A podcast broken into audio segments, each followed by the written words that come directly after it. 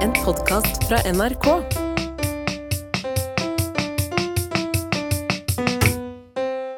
Kan vi spole tilbake til lørdag ettermiddag? Kan vi godt. Eh, jeg satt nemlig og så på det fotballaget som jeg syns er kjekkest eh, når vinner i England. Du tenker Tottenham? Ja, De har vært ganske gode i det siste. har de ja men de var ikke så gode på lørdag. Eh, og, og så satt jeg og så, så på de, og så lå de under 1-0, og så begynte det å gå mot uh, overtid. Da ringte telefonen. Ja. Tok du han? Ja, så, så tok jeg den, ja, jeg sitter og ser fotball, men så sier jeg, det er ikke så farlig, for de er så dårlige akkurat nå. Så tok jeg telefonen, og så gikk jeg opp i annen etasje, og så snakket jeg med vedkommende en liten stund. Og når jeg kom ned igjen, Så hadde de lagt mål. to. To mål, ja. Ja. På overtid. Tidenes snuoperasjon i engelsk fotball omtrent, den fikk ikke jeg sett. Men da var de glad. Ja, det fikk jeg sett. Ja. Eh, For, for jeg kom jo ned etter de hadde skåret, og, og da var de veldig, veldig glad, eh, disse fotballspillerne, og jeg tror nesten aldri jeg har sett så mye klemming. Og mye. Det er mye klemming på fotballbanen. Det er veldig mye klemming på fotballbanen. Jeg syns det har blitt mer, jeg. Altså, det er jo generelt, vil jeg si, ganske mye klemming i idrett, generelt i forhold til andre sted, liksom arenaer i verden.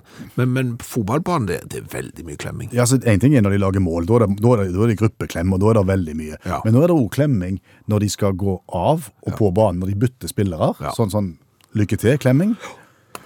Og, og, og dette er jo jobben til disse fotballspillerne. Ja, ja. Og, og jeg bare lurte på, liksom, er er det, det er ikke sånne tendenser i andre yrkesgrupper, liksom, sånn klemming? Nei. Det, det er ikke vanlig på, på revisorkontor og den slags, tror jeg. Nei, nei, det er klart at hvis en eller annen revisor har eh, revisert, revidert, Revidert. ja, eh, og eh, en av de beste revisjonene noensinne, omtrent liksom helt på, på kanten av hva som er mulig å få til innenfor revisjon, og så får han det til, og så kommer resten av kontoret og hiver seg rundt i en gruppeklem.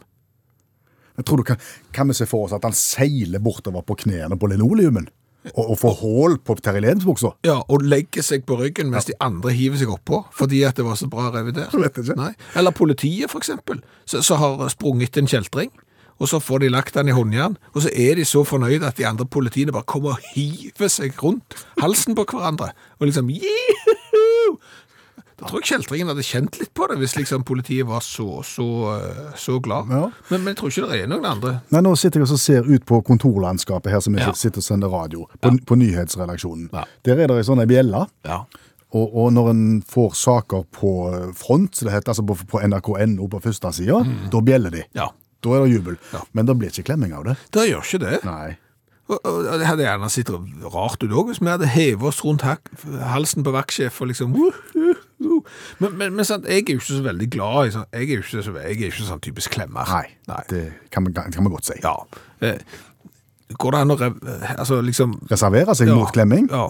Tenk hvis du er fotballspiller og, og, og liksom Jeg, jeg liker ikke så godt klemming. Eh, Kan jeg, kan jeg la det- være? Det lar seg ikke kombinere med å være Hvis du er sånn storskårer, for eksempel. Ja. La oss si du var det, da. Ja. En storskårer for et lag, og så lager du mål, Ja. og så kommer de springende mot deg, og så Å nei, nei, det er Skjæveland, ja. Ja, han er han, han er ikke så glad i det. Det er festbrems. Det er veldig festbrems. Ja, men Da kan de hive seg rundt halsen på hverandre istedenfor. Men, men jeg, er, jeg er bombesikker på at inni den der haugen av klemmere der, Ja. så er det noen som ikke er så glad i klemming, sånn at liksom når de kommer hjem og har klemt ferdig på jobb, så, så, så orker de ikke mer eh, klemming. Og, og så går det utover eh, det sosiale. Det er noe med alt. Ja, det er det.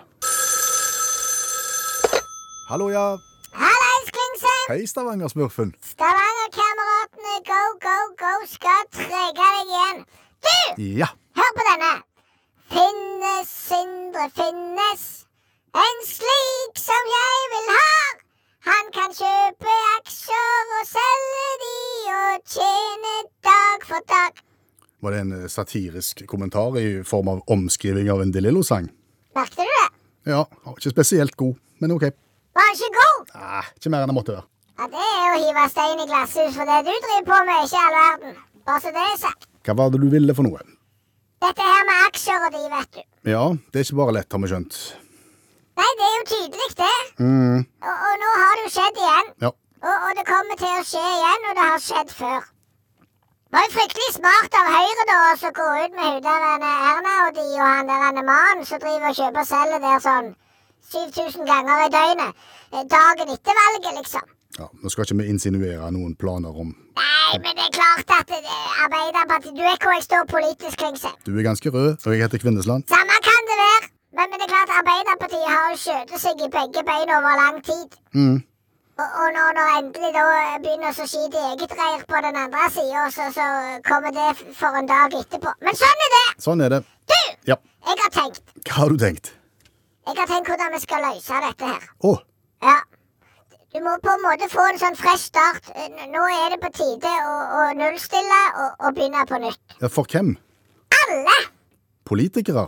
Ja, altså, De har jo ikke troverdighet lenger. Nei. Enten det er solbriller eller aksjer eller hva det er for noe, eller gi mandater til andre kompiser og alt. Det er så mye søl, sant? Ja. I alle parti. At nå tenker jeg nå begynner vi på nytt. Hvordan skal vi begynne på nytt? Altså, det, det, Jeg husker det som skjedde en gang. sant? I, I gamle dager, når alle var jo så dopte til oppover ørene og sånn, sant? så var det jo verdensrekorder som ingen trodde på til slutt. Ja. Og sånn som de gjorde i vektløftning. De, de lagde nye vektklasser. Sånn at hvis du hadde verdensrekorden i 100 kilo, eller hva det heter for noe, så, så strøyk de eh, 100 kilos-klassen, og så lagde de 102. Eller 101,5. Jeg husker ikke. Men sant, de lagde helt nye vektklasser, og dermed måtte de ha nye rekorder. Da gjaldt ikke de gamle lenger. Nei, for de vekstklassene fins jo ikke. Stemmer. Så det vi gjør nå, vi nuller alle parti, OK. og, og så begynner vi på nytt. Fordi Nye folk, nye koster, alt sammen starter på nytt. Og så kan de gå etter i summene sånn skikkelig. Sånn, Har Demses en mann som driver at daytrader og sånn? OK, det kan ikke ha deg. Og så kan du luke ut alt det der. sant? Liker du å kjøre vannskuter med promille? Nei, da kan ikke vi ha med deg. Og eh, Liker du å ta andre sine solbriller uten å betale? Nei, da kan ikke vi ha deg heller. Så rekrutterer du helt på nytt, og så starter vi nye parti. Skal de hette nye ting partiet nå, eller kan de hette det de hette før? Nei, nei, du må lage litt nytt. Det er litt sånn, sant, sånn så i vektløfting når du hadde 100-kilosklassen, så ble det 102, eller hva det er, så kan du ha nesten Arbeiderpartiet. Men kan de som er politikere i dag, få lov til å melde seg inn i de nye, eller er de diskvalifisert? Er Veldig usikker på det. det. Det må jo ledelsen i de nye partiene ta opp på nytt. Altså, Her må du passe på at du ikke får med deg lik i, i lasten. Dette er genialt. Her, her er det òg sjanse til, så- til å stryke litt. OK. Ja, det er for mange, vet du.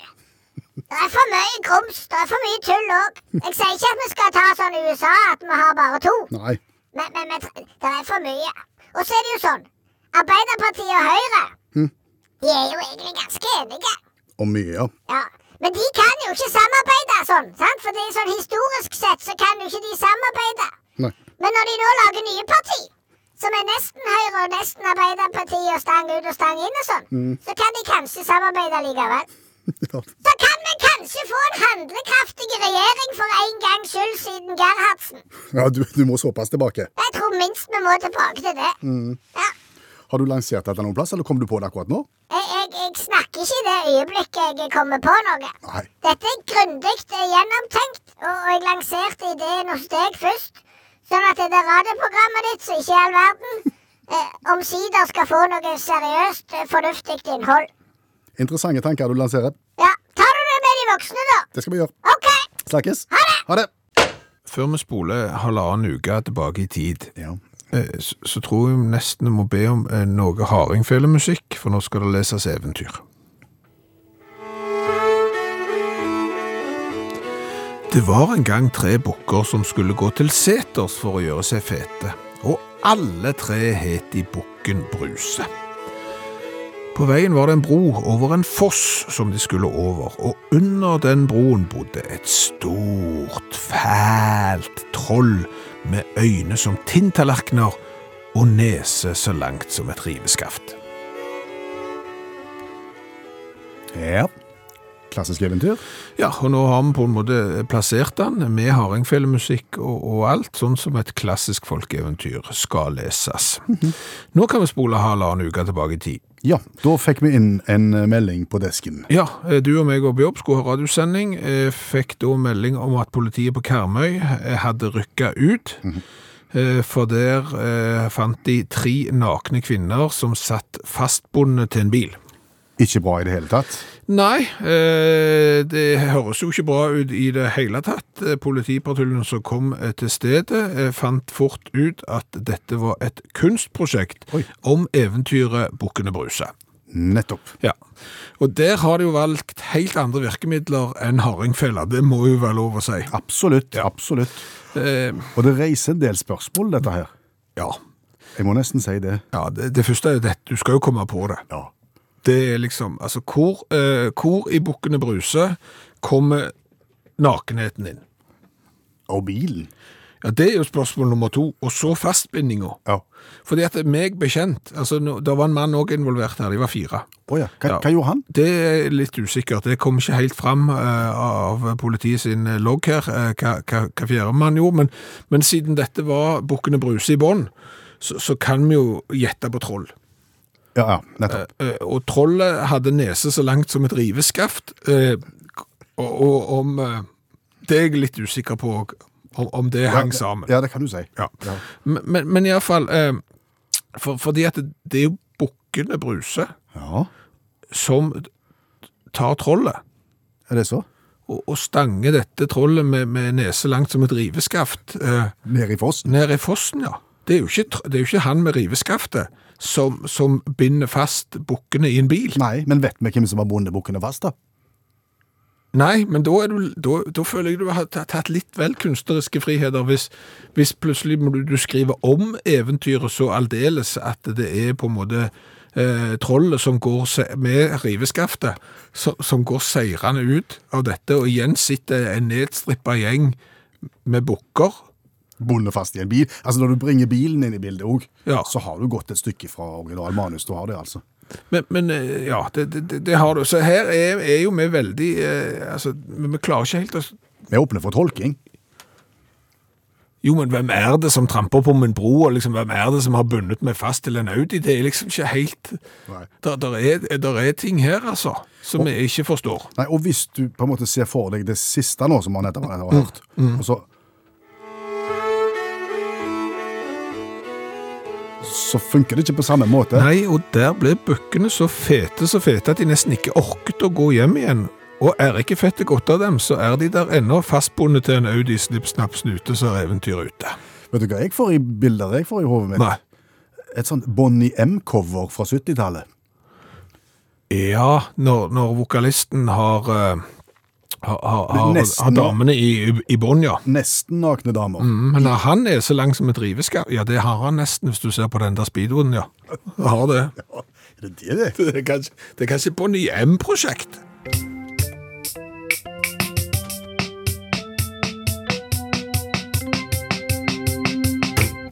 Som du nettopp hørte i dette radioprogrammet her, eh, så måtte nødetatene rykke ut, eh, eller nærmere bestemt politiet, rykke ut til tre nakne damer bundet fast til en bil på Karmøy, som viste seg å være et samtidskunstprosjekt eh, over temaet Bukkene Bruse. Yes. Det får jo oss til å spørre deg, allmennlærer med to vekttall i musikk, Olav Hove. Kjenner vi til andre kunstprosjekter som har ført til at nødetater har måttet rykke ut? Er det vanlig, dette? Ja, vil jeg si. Eh, Det er vanlig. Konkurransen rundt hvem som klarer å trekke til seg mest nødetater, er jo ganske knivskarp innenfor performance-art-segmentet. Eh, Og en av de store, vil jeg si, det, da skal vi til, til Latvia i 2009. Eh, Og, og um, telefonselskapet Tele2 skal um, lansere et nytt abonnement. Høres jo sexy ut. Og skulle hatt en reklamekampanje. Eh, Få tak i et byrå som kommer med 100 forslag alle blir avvist. Da må byrået Inspired komme inn i bildet. og De har en trupp med performanceartister, eller kunstnere, som setter seg ned og har en brainstorming. Og klart, det er Der tror jeg ikke det er mye nei-folk. Um, så de finner ut at det kommer 100 gode forslag, så de må lage De må, de må, de må dra til litt. da. Uh, oppdraget er egentlig at du skal lage noe superheltaktig da, til dette nye abonnementet. Så da eh, ja, så er det litt sånn vi er kunstnere og sånne ting, og så skal vi lage noe voldsomt som vi gjør det enklest mulig. Så de, de kjørte ut til et jorde eh, utenfor byen eh, Masalako i Latvia. Hadde med seg gravemaskin, lift og 120 liter tennvæske, pluss en, haug, en, en svart eh, skrapkule som de hadde funnet på en lokal sånn skraphandler i, i stål og aluminium. Gravde et stort hull på ti meter, bredde um, og, og tre meter djupt. La denne her steinen oppi. Fylte opp i tennveska, pluss andre sånne kjemikalier som de fant i boden til han ene av de performancekunstnerne, som da skulle være anonyme, for det var ei gruppe av det her. Og, og så skulle det da, det skulle være et meteoritt som hadde da truffet. Ja. Ja. Så var tanken da at hvis du da lagde du, du fikk folk til å tro at her hadde det landa en meteoritt, så skulle du på et eller annet vis koble det opp mot de nye abonnementene til Tele2. Det var ikke helt sånn avklart, men Det, det er ikke helt selvsagt, det. Nei, det er ikke det. Men iallfall, de lagde lunta, tente på, og poff! Tidenes, uh, tidenes bål i utkantene på en jorde de aldri hadde. Eh, Så da sto de inne i skogen der og nøt det vakre synet og 120 liter tennvæske så det brant og brant og brant og brant, og tenkte dette er bare helt konge. Nå tror folk at en meteoritt har landa, og så lar vi det gå en dag eller noe sånt. Så sier vi nei, vi bare tuller, vi, vi reklamerer for det nye abonnementet til Tele2. Så ler alle, og så blir det kjempekoselig. Så står de der og nøt sitt eget geni. Denne her truppen med performanceartister. Og i bakgrunnen kunne du høre ambulanser. Du kunne høre politibiler. Sannsynligvis knitring av marsjstøvler, for hæren ble satt inn òg. Så alle brannfolk i 150 km omkrets ble, ble kalla inn. 90% av alle politifolk i samme område ble tatt inn. Og, og, og 160 soldater ble satt inn på det her, da, med, ja, der det måtte være. Det ble også kalt inn forskere fra Natural History Museum i London for å se på den her. I det hele tatt, og, fortsatt står de i skogen og tenker helsike, dette var jo ikke helt etter planen, da. Så tenker jeg da venter vi en dag ekstra, så ler sikkert alle da. Eh, Så, så dette skjedde 25. oktober. 27. oktober, da, da rekte de opp hånda og sa ehm, det er ikke en eh, det er ikke en meteor, altså. Og det hadde jo disse her forskerne funnet for lengst, for de fant annet ganske mye gras nedi krateret. Og da sa jeg, tenkt hvis det har 6000 grader, denne meteoren, så vil gras forsvinne. Så, det, så, så de dro til seg hæren, politiet, brannvesenet måtte betale utgifter til staten Latvia. Så ble de dømt for å ha sett landets sikkerhet i fare med å samle så mange av nødetatene på én plass. da. Men Hvordan gikk det med, med lanseringa av det nye mobilabonnementet? Ikke så bra. Nei, de er konk i dag. Det er dyrt, vet du, med reklame. Takk skal du ha, allmennlærer med to vekttall i musikk, Olav Hove.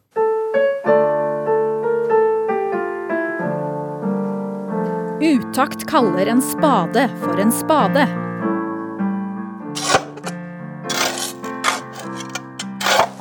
Hei! Hei! Hva er det du står og graver med? Jeg står jo og graver med en spade, selvfølgelig. Det er det som er en spade. Ja, ja, det er det som er en spade. Jeg er helt bombesikker på at det er en spade. Når jeg var og kjøpte den i butikken, så gikk jeg inn i butikken, så sa jeg skulle gjerne hatt en spade. Og så kom de tilbake med denne, og da tenker jeg det må jo være en spade. Og bare for å være helt bombesikker på at det jeg nå står og graver med er en spade, så har jeg også sjekket kvitteringen, og, der står det en stykk eh, spade, så dermed er jeg relativt sikker på at det er en spade jeg står og graver med her nå. Mm.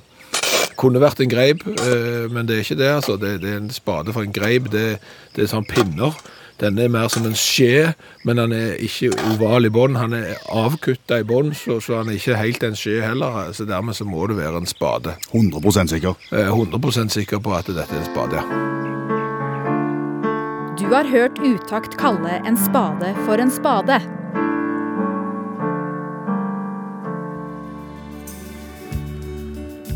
The Cranberries var det med Linga. Sa brura. Ja, gjorde nå det. Nei, jeg gjorde nå det. Jeg, jeg føler jo at eh, Sabrura-folket er i ferd med å bli færre og færre. Ja, det er nok en generasjonsting. Ja, eh, for Sabrura-folket er jo de som impulsivt, eh, etter at de har fanget opp en kommentar hos noen andre, slenger på Sabrura. Ja. Står du der og bakser eksempel med å få på plass eh, ei hylle, et skap eller et eller annet, eh, dette var vanskelig å få på plass. Sabrura. Ja, sant, der har du en klassiker. Og, og disse menneskene er, begynner det å bli eh, mindre av. Eh, Ja, men nå viser det seg at det er ganske mange av de òg, sa du. Ja, men, men det er nok i en kombinasjon. Eh, Fordi at eh, nå skal vi nevne noen eh, folk som vi syns er kjekke. Det er de som liker dette radioprogrammet, som har lagt eh, ei Facebook-gruppe for de andre som liker dette radioprogrammet. Det heter Utakt for og av fans. Ja. Eh, Og der er det en tråd som kombinerer Sa Brura-endelser med norske sanger eller utenlandske sanger. Ja, sangtitler. Ja. Og det blir ganske gøy hvis du kombinerer det, sa du. Ja, eh, og der er, altså, hvis, hvis du vil gå inn og kose deg med en del eh, lesing der, eh, og synes at liksom, ok, la oss nå løfte Sabrura igjen, så får du en del sånne aha-opplevelser, hvordan norske, spesielt sangtitler blir når du hiver på Sabrura bak. Jeg kommer snart igjen, Sabrura, for eksempel. ja. Og jeg vil jo si at den sangen vi nå skal spille, Leon Frikk, også passer egentlig. Like bak. Sabrura. Utakt for og av fans, heter gruppa. Det er ganske gøy. Du husker for noen år tilbake når jeg så eh, kronprinsesse Mette-Marit eh, i en rundkjøring på Ålgård. Ja, du hevda det. Vi har jo aldri fått verifisert at eh, kronprinsessen var i en rundkjøring på Ålgård. Ja, men du ringer jo ikke til Slottet og så spør eh, unnskyld, eh, det er Bjørn Lars Skjæveland som ringer fra NRK. Eh, kan du eh, verifisere at eh, kronprinsessen var i en rundkjøring på, i Gjesdal kommune? Hva bil kjørte du? En polo. En Polo. En svart, ja. Og var alene i bilen? Ja, ja, ja. Men hva skal hun på Ålgård i Rogaland? Nei, men det vet jo ikke jeg, men, men det, jo ikke, det jo ikke, var jo ikke unaturlig. fordi at eh, slekta hennes, eh, altså, det er jo Mette-Marit Tjessem Høyby, Ja. og Tjessem er jo, det er jo ikke langt, det er jo bare noen kilometer fra der som jeg observerte kronprinsessen i den svarte poloen. Men poenget er jo at du tror jo ikke på dette. Nei, jeg gjør ikke det. Nei. Du, du anerkjenner ikke min observasjonsevne når det gjelder kjendiser. Nei. Nei. Nei. Men jeg har sett en i dag. En ny? Ja. Ikke samme rundkjøringen, vel? Jo. akkurat samme rundkjøringen. Akkurat samme rundkjøringen ja, på E39 på Bålgård i nærheten av bensinstasjonen. Kongelig? Nei, nei, nei, Norsk? nei. Internasjonalt? Stjerne? Ja, var nok større før, ja. Men, okay. men eh, jeg, vil, jeg vil si internasjonal kapasitet, ja. Hva bil kjørte vedkommende? Eh, En grå eh, sånn en eh, elektrisk Volkswagen ID3, den der litt rare gråfargen, altså ikke sånn sølvgrå liksom, men den der gråfargen som ser ut som det kunne vært en del av en sånn kamuflasje på en militærbil, litt sånn, Litt sånn matt? ja, uggen grå, ja. Ok. Ja. Mann? Mann, ja. Ok. Ja. Alene i bilen? Ja, ja. Hvem har du sett? Paul Young. Paul Young? Ja, 80-tallsikonet ja, på Ålgård? ja. Aldri. Aldri. Er du sikker på at det var han? Altså, selvfølgelig er jeg sikker på det. Altså, for å si det sånn. Når du og meg Ja. var på Heathrow for enda en del år siden, og så Paul Young, Ja. så var jo ikke du i tvil på at, eh, at vi så Paul Young. Nei, jeg sa se er Paul Young. Ja. ja. Så kikket vi, så så vi begge at det var Paul Young. Han var blitt eldre. Ja, det var han, men det var ikke tvil om at det var Paul Young. Nei. Så, så når du kjenner igjen Paul Young, da er det greit. Men hvis jeg kjenner igjen Paul Young, nei, da er det plutselig ikke greit. Nei, det er jo liksom. altså, At han er på en internasjonal flyplass, Heathrow, det er helt naturlig for en stjerne. Men at han er i en rundkjøring på Ålgård på Vestlandet i en ID3 type grå Ja, men, men, men nå, må du, nå må du huske, fordi at når vi da begynte å liksom uh, sjekke, vi, vi hørte jo rykter om når vi så Paul Young første gangen på Heathrow, at han hadde eh, kjæreste i Norge, sågar i Stavanger. Ja, stemmer det.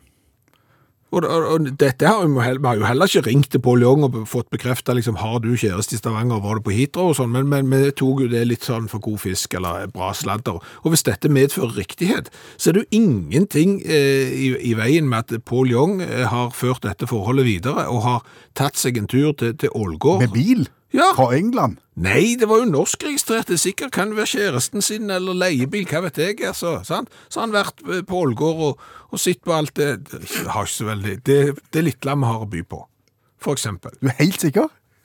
Jeg kjenner, jeg kjenner jo igjen Paul Jong på høylys dag.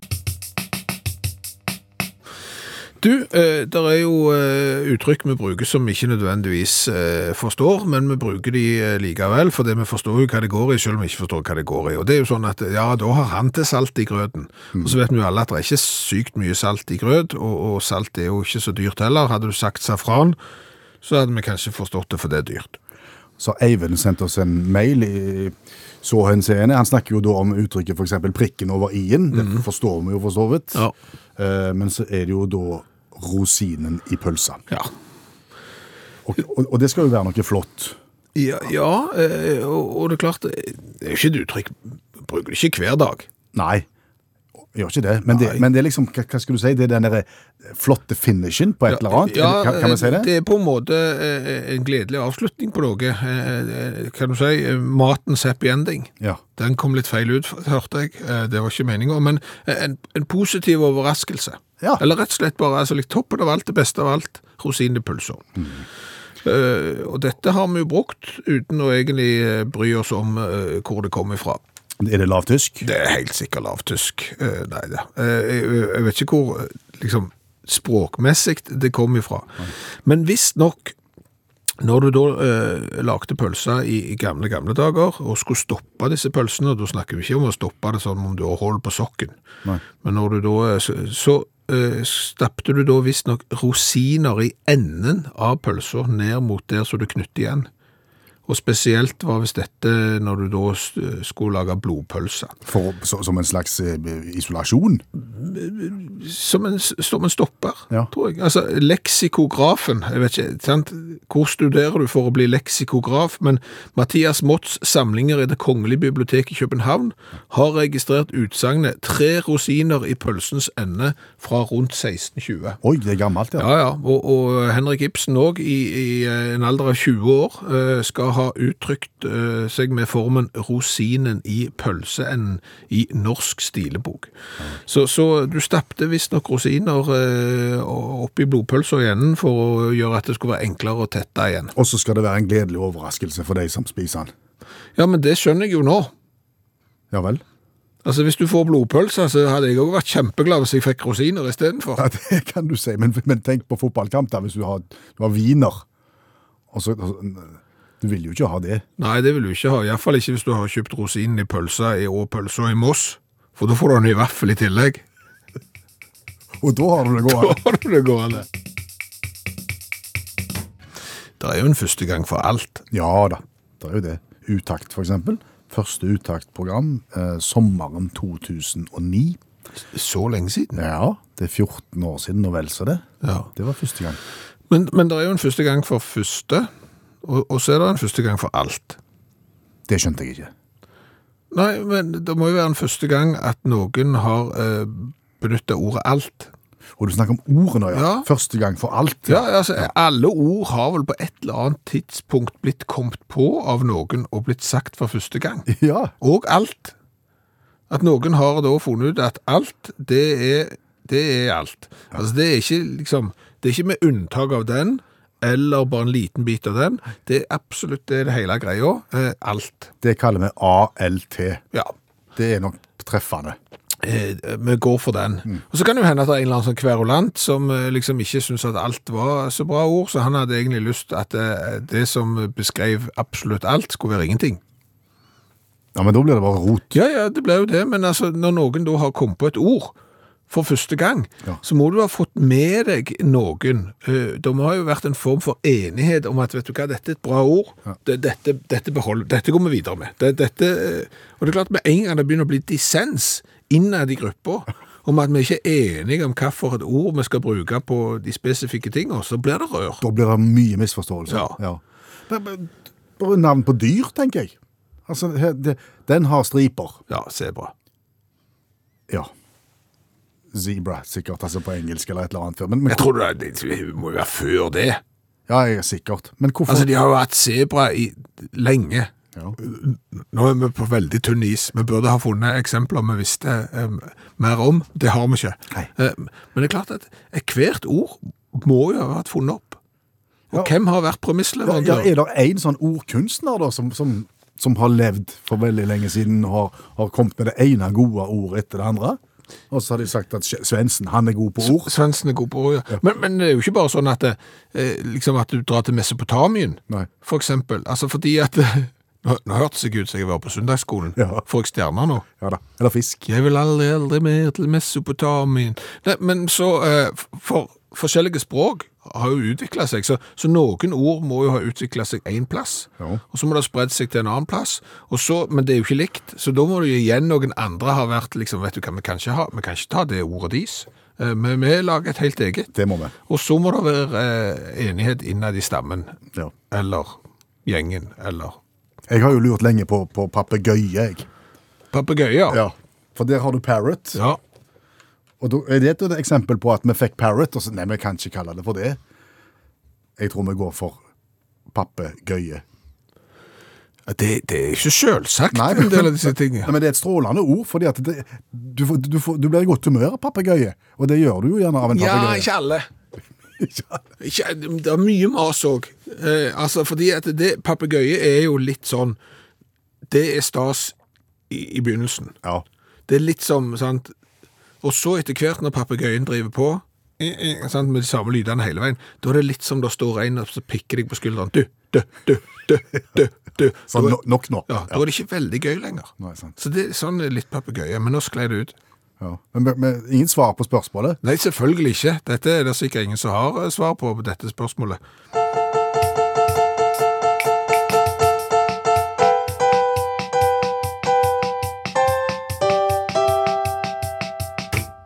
Vi er jo ikke kommet her utelukkende for å ha det kjekt. Nei, vi må lære litt òg. Ja, og vi har jo i en årrekke eh, prøvd å finne ut hva er eksempel naden. Ja, i karbo. Ja. Altså, hvor, hvor kom naden inn i bildet? Ja, og, og hvor kommer laden inn? Altså, hva er laden? Der finnes veldig mye lade. Remulade, sjokolade, marmelade, ballade og rulade. Ja, for eksempel. Eh, Så det er jo ulike utgaver av lade, Ja. men vi vet ikke hva lade er. Nei. Og det har vi ikke klart å finne ut heller. Eh, Og nå har vi jo fordypt oss i fon. Yes, for det er mye fon i verden. Det er telefon, Det er mikrofon. ja. og megafon, og det synes jeg er litt rart, fordi at hvis du har lyst å snakke kjempehøyt, så snakker du inn i en megafon. Ja. Ja. Eh, Hvis du har lyst å egentlig snakke enda høyere til folk, så må du snakke inn i en mikrofon. ja, Det er litt rart. det er veldig rart. Men du har diktafon, grammofon, saksofon, polyfon. Ja. Vi kunne fortsatt lenge med vibrafon og xylofon òg. Eh, og, og, og vet du hva fon er? Jeg, ja, jeg tror det. OK, Jeg tror det, altså, det, det er fonetisk, altså det er lyd. Altså, det er vel noe gresk for lyd, tenker jeg. stemmer. Ja. Dette, dette, vel, dette, dette hadde jeg ikke trodd. At, det, at den skulle komme sånn hvert, kvart over fra deg. Fra eget bryst? Ja. men det er det. Dette er gresk, ja. Ja. Eh, fon, lyd. Og, og har jo da blitt adoptert selvfølgelig av engelsk phone, fransk phone og tysk phone. Alt det der er fon, og det er fon. Og da får du jo, sant, en telefon, Ja.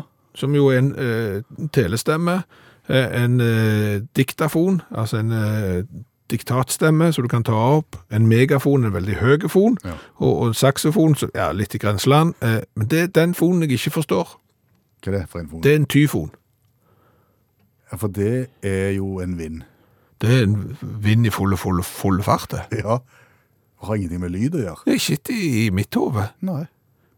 Så, så det er tydeligvis flere foner enn bare den ene fonen. Ja, men det er litt som laden, det vet du, for det er forskjellige lader òg. Ja, for det er klart at laden i en ballade er jo langt ifra den samme laden som i en marme. Det kan du si. Ja. Det blir dummere dette programmet nå, så Skal vi si at det var nok? er haugen. Cola nummer 403 yep. for testing. Den er kjøpt i Botswana. Han er fra Sør-Afrika, og i Botswana der var Vegard Johan og, og kjøpte den. Og den heter Twizza. Twizza. Twizza Cola. Og, og vi har jo i løpet av de 403 colatestene vi snart har vært igjennom, eh, presentert veldig mange gründere. Eh, Jeg tror ikke vi har vært innom denne veien før. Eh, Det hele startet i 1980 med en melkegård. Ja vel. Eh, En flokk med kyr og et ønske om å skape det beste livet for en familie. Grunnleggeren vår, Ken Clark, høres ut som Clark Kent, ja. utvidet sin melkegård til en melkebutikk som ga kvalitetsmelk til det lokale Eastern Cape-samfunnet. Men hvor er colaen? Nei, det kan du si, vi er ikke kommet der ennå, men melkebutikken var en stor suksess, eh, og begynte å kjøpe større eiendom, og melkepastorisator, og ennå ikke kom til colaen. Og så ble meieriet født, og så ble det meieriprodukt, og så ble det jus, og så begynte entreprenørånden til denne her, er Clark Kent, som heter Ken Clark, eh, lansere da kullsyreholdig læskedrikk. Og du kan jo høre fra Ken Clark selv. Twizzler has been a great success because of the passion of the people and the quality of the products that we produce and the value that we create for our customers and our consumers. We believe in quality and we deliver that. Det var Clark Kent. Det var Ken Clark eh, som da skal lage et rimelig og kvalitetsgodt produkt til Sør-Afrika. Og så har de jo selvfølgelig eh, ekspandert og ekspandert, og er nå inne i Sør-Afrika, Lesotho, Svasiland, Namibia, Botswana, som eh, Vegard var og besøkte, eh, og Mosambik. Ja. Og så er det å beskrive flaska. Ja, altså Flaska, hvis du tar vekk etiketten, så er den kliss lik ei original eh, colaflaske. Eh, Plastikk, innsvingt på midten, Ja. og rød kork. Eh, Etiketten ser ut som om noen har sagt Hallo, hallo, kan vi få 1984 tilbake igjen? Ja. Eh, Det er liksom alle de der effektene som du så på 80-tallet som, som er brukt her, det er ikke spesielt fiffig. Twister med blå bokstaver, litt sånn skvulpende eh, cola i bakgrunnen som passer inn i en cola-reklame. Cola carbonated soft drink, Twister Er du klar? ja da. Og det var kullsyre. Ja, ja. Det er skyskraper òg bak. Det er jo òg ha 80-tallet. Oi, rikeslikt med kullsyre som har klart seg helt fra Botswana. Har vi vært i Sør-Afrika før, colafaglig? Og nå spør du vanskelig. Jeg klarer ikke å huske. Nei. Jeg tror ikke vi har vært i Botswana og handla, iallfall. Den lukta søtt.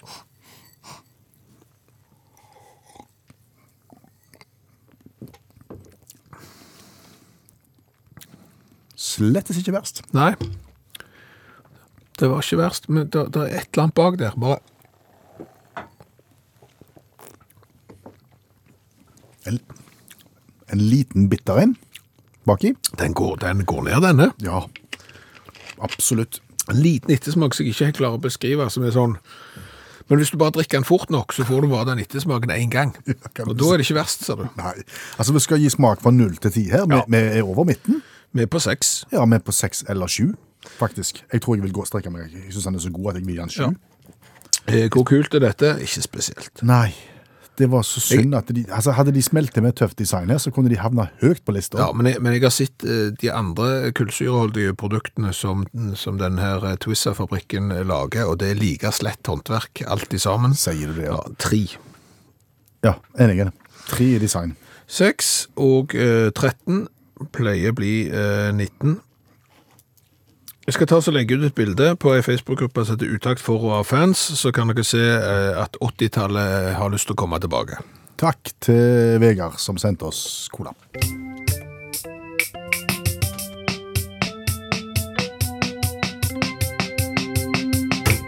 I første time av Utakt i kveld så hørte vi jo om eh, performancekunstnerne i eh, Latvia som eh, skulle prøve å etterligne en meteor på et jorde for å skape reklame og blest rundt et nytt mobilabonnement.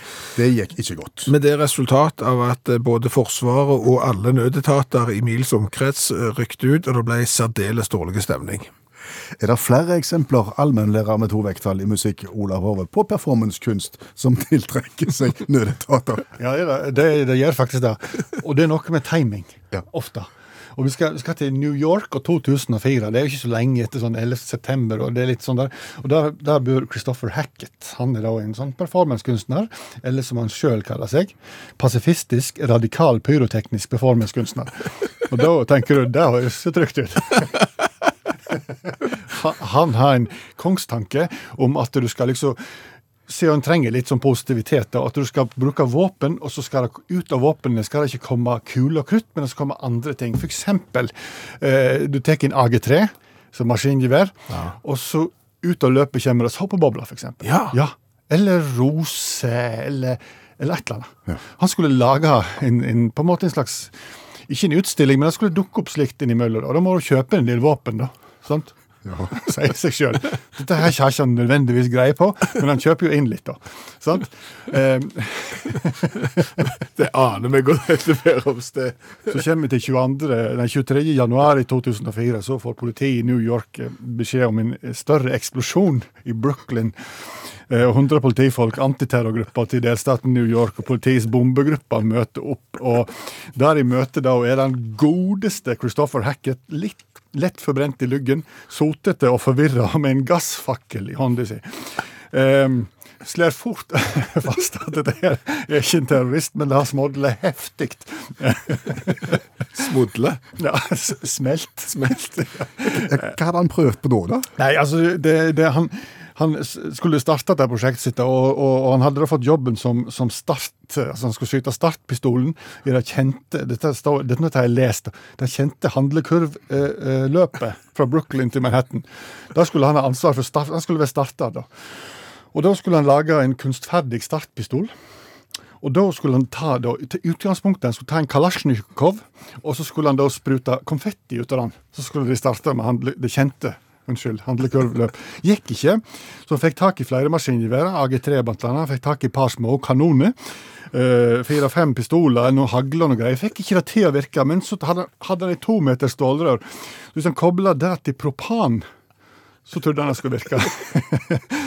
Og det, det er jo sånn, da må jo testes først. sant? Ja.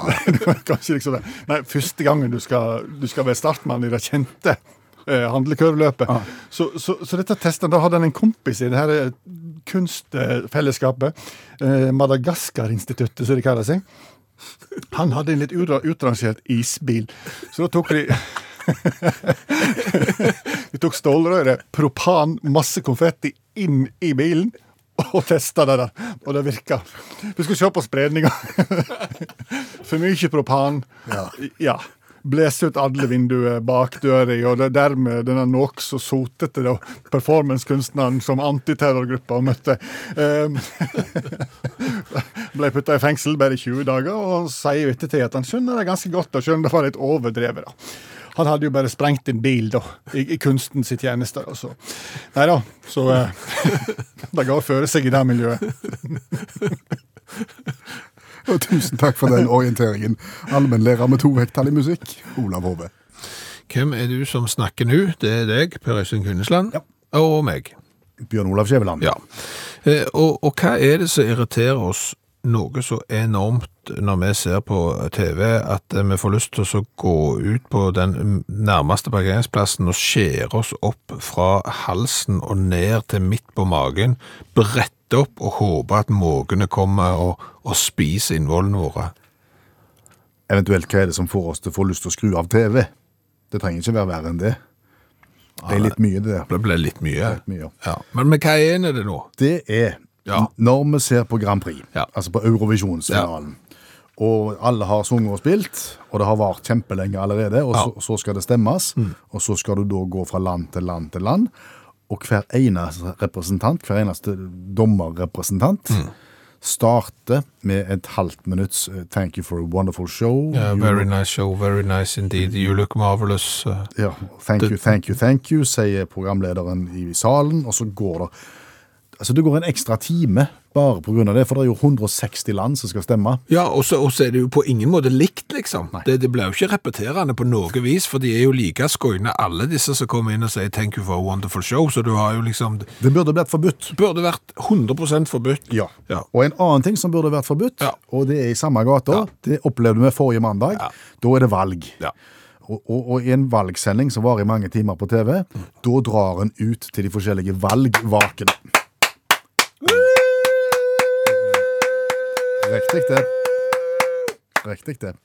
Da skal vi av gårde eksempel til Høyres hus et eller annet sted, og da står det en reporter i vinduet og, og flakker litt med øynene, for han har avtalt med publikum at når han skal på, så skal de juble først. Og så er de litt seine med det, så han må se litt bak, og så begynner de. Og så skal de juble lenge. Ja. Og så skal de gjøre det på alle vakene. Ja. Og da blir den sendinga mye lengre enn han hadde trengt å være. Og mye kjedeligere enn han hadde trengt å være. Og det som er oppsiktsvekkende òg der, det er jo ikke bare det at hvis du drar til en valgvake der du har eh, en valgvinner, at de jubler og er stadig blide. Eh, De jubler jo til og med om de har mista omtrent alle mandatene sine, og de har gått på et elendig valg. Ja. Da skal det òg jubles. Ja, det det. vil jo ingen ende ta det der greiene der. Nei. Men er det litt sånn som unger bak når du, når du gjør TV-opptak? At de kommer på TV, og det er så stas at de hopper og jubler uansett når de ser kamera? Er det, er det den mekanismen som slår inn? Det håper jeg ikke for politikerne sin del, at det er den mekanismen som slår inn, for da får du enda mindre tro på de folkevalgte enn det de har klart å få til akkurat nå. Du og meg er jo glad i cola. Absolutt. Eh, Og det hender jo eh, fra dag til dag at vi kanskje har i brus. Ikke sjelden, nei. Nei. Eh, Og, og den kan vi kjøpe på butikk, på bensinstasjon. Vi kan kjøpe en brus eh, i kiosken og hvis vi er på kamp. Eh, Vi kan gå ned i kjelleren her til et av de vakreste instrumentene vi har på jobb, brusautomaten. Som heter Werner. Ja, så vi kan har fått eget navn. Eh, Vi kan kjøpe brus eh, der. Men aldri alkoholfri øl. Det er jo mulig. Ja, men det er ikke, altså på butikk er det mulig. Ja. Men, men jeg har ikke sett at liksom på bensinstasjon eller i Werner, automaten her, eller i kiosk på kamp, at liksom, nei, jeg skal ikke ha eh, cola, jeg skal ha, har du alkoholfri øl? Det, det skjer jo ikke. Nei. Og du hadde jo blitt sett litt rart på dersom du satt og drakk alkoholfri øl, eh, eksempel sammen med pølser på bensinstasjonen. Ja, det ville sett rart ut. Iallfall i gamle dager, for når, når ølflaskene så ut sånn som de gjorde. Ja. Men nå er jo ø, alkoholfritt øl er fiffige etiketter. Det kan jo se ut som en sånn energidrikk. Ja, det kan det, det, kan det jo. Men, men det samme liksom på, hvis du går tilbake et par dager til når vi satt eh, rundt lunsjbordet på jobb Ja. med hver sin cola. Det er ingen som ser rart på oss da. Nei. Men, men hadde vi sittet der med, med skjeva vår og, og alkoholfri øl, så hadde de sett litt rart på oss. Ja. Men leverpostei og alkoholfri øl er kanskje ikke akkurat komboen heller, da. Ja, det vet du ikke. Nei. Det har du ikke prøvd. Men for, for, for jeg har en følelse av at hvis du hadde drukket alkoholfri øl på et utested, mens kompisene dine satt og tok seg en vanlig øl, så hadde de tenkt at det der, ok, han eh, har et avklart forhold til alkohol, et bevisst forhold til, til alkohol. Han eh, kjører kanskje ikke. Ja, ja. Så, men hvis du hadde sittet og så drukket alkoholfri øl i lunsjen på jobb, så hadde de tenkt han har et problem med alkohol. det kan du si. Det, det tror jeg de hadde eh, tenkt. Og kanskje enda mer hvis du hadde hevet fram alkoholfri vin til lunsj. Ja, det, Det hadde vært sosialt selvmord, i hvert fall hos oss. ja. Ja. Og, og, altså, jeg har jo opplevd det, og det var jo ikke alkoholfritt engang. Altså, på Dana Cup i Danmark, Ja. og, det var, jeg tror vi spilte mot et tysk lag, Ja. og der sto foreldrene og drakk øl med, med, med styrke, for å si det sånn. ja, men det serverer de, ja. Ja, ja. Men, det, men, publikum ble jo gladere og gladere. Ja, Så det, det, det ble, ble ikke fint, for de kasta fra seg bokser litt, og så, så gikk de. Ja men der, der er jo det. Jeg går på, på, på fotballturnering i, i Danmark i, i sommer, og der kan du stå og se på tiåringen mens du har deg en eh, bayer. Ja. Så det er litt spesielt. Hva har vi lært i kveld? Eh, du har vel lært av meg at jeg har et inkonsekvent eh, forhold til uttale av ordet øl. Ja, altså Du er fra Rogaland, du Ja. er vestlending, Ja. og det heter øl. Ja. Men du sier øl når du snakker i radioen. Ja, det var kanskje fordi at jeg var på vei til å spørre etter fløyten. Ikke øl i en sådan stund. Gi meg fløyten. Rett og slett. Du var, du var inne i Ibsen. Jeg, det var, jeg var nok i Ibsen siden jeg sa øl. Nei, jeg sier jo øl. Ja, du gjør det. Ja. Så fortsett med det. Det skal jeg eh, prøve å fortsette med. Eh, Det vi har lært i dag er jo at det er enormt mye klemming i idretten, og da kanskje spesielt i eh, profesjonell fotball. Ja. Eh, og dette er jo yrkesutøvere, de lever av dette, og, og de klemmes på jobb. Eh, vi har jo vondt for å se for oss at det kunne vært like mye klemming innenfor andre yrkesgrupper, eksempel revisoryrket. ja, eller i politiet. Ja. Når de har fakka en tjuv, blir det klemming betjenten imellom. Ja. Neppe. Eh, Neppe. Eh, Så har vi jo lært det at eh, performancekunst kan få nødetater til å rykke ut. Drar vi halvannen uke tilbake igjen, så måtte politiet på Haugalandet rykke ut til Karmøy, der tre nakne damer var bundet fast til bil. Ja. Det viste seg å være et forsøk på bukkene Bruse. Vi har litt vanskelig for oss å se hvordan dette har eh, sammenheng med bukkene Bruse. Men dette er ikke enestående i verdenssammenheng. I, I Latvia har jo sågar militæret rykt ut sammen med politi og nødetater fordi noen prøvde å lage en meteor.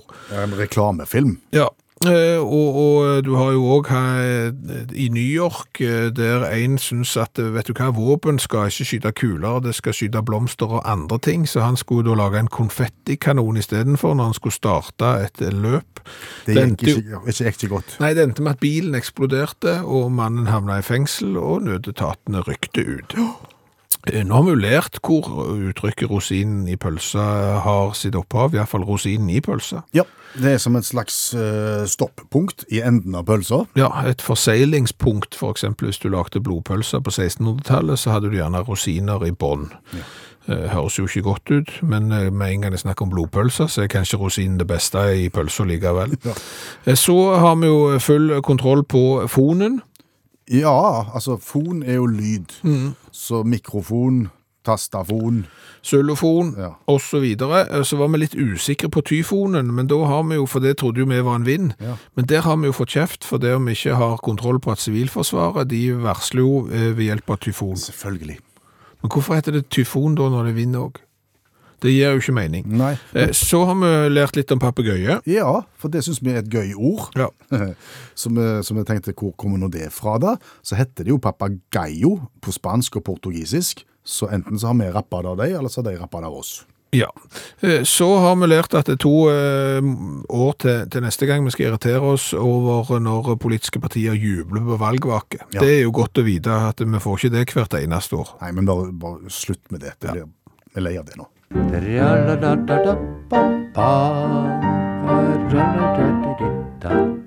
Og stans, og så var det ikke mer i dag. Og i dag går vi ut og kjøper oss hoppetaug. Takk for nå. Du har hørt en podkast fra NRK. Hør alle episodene kun i appen NRK Radio.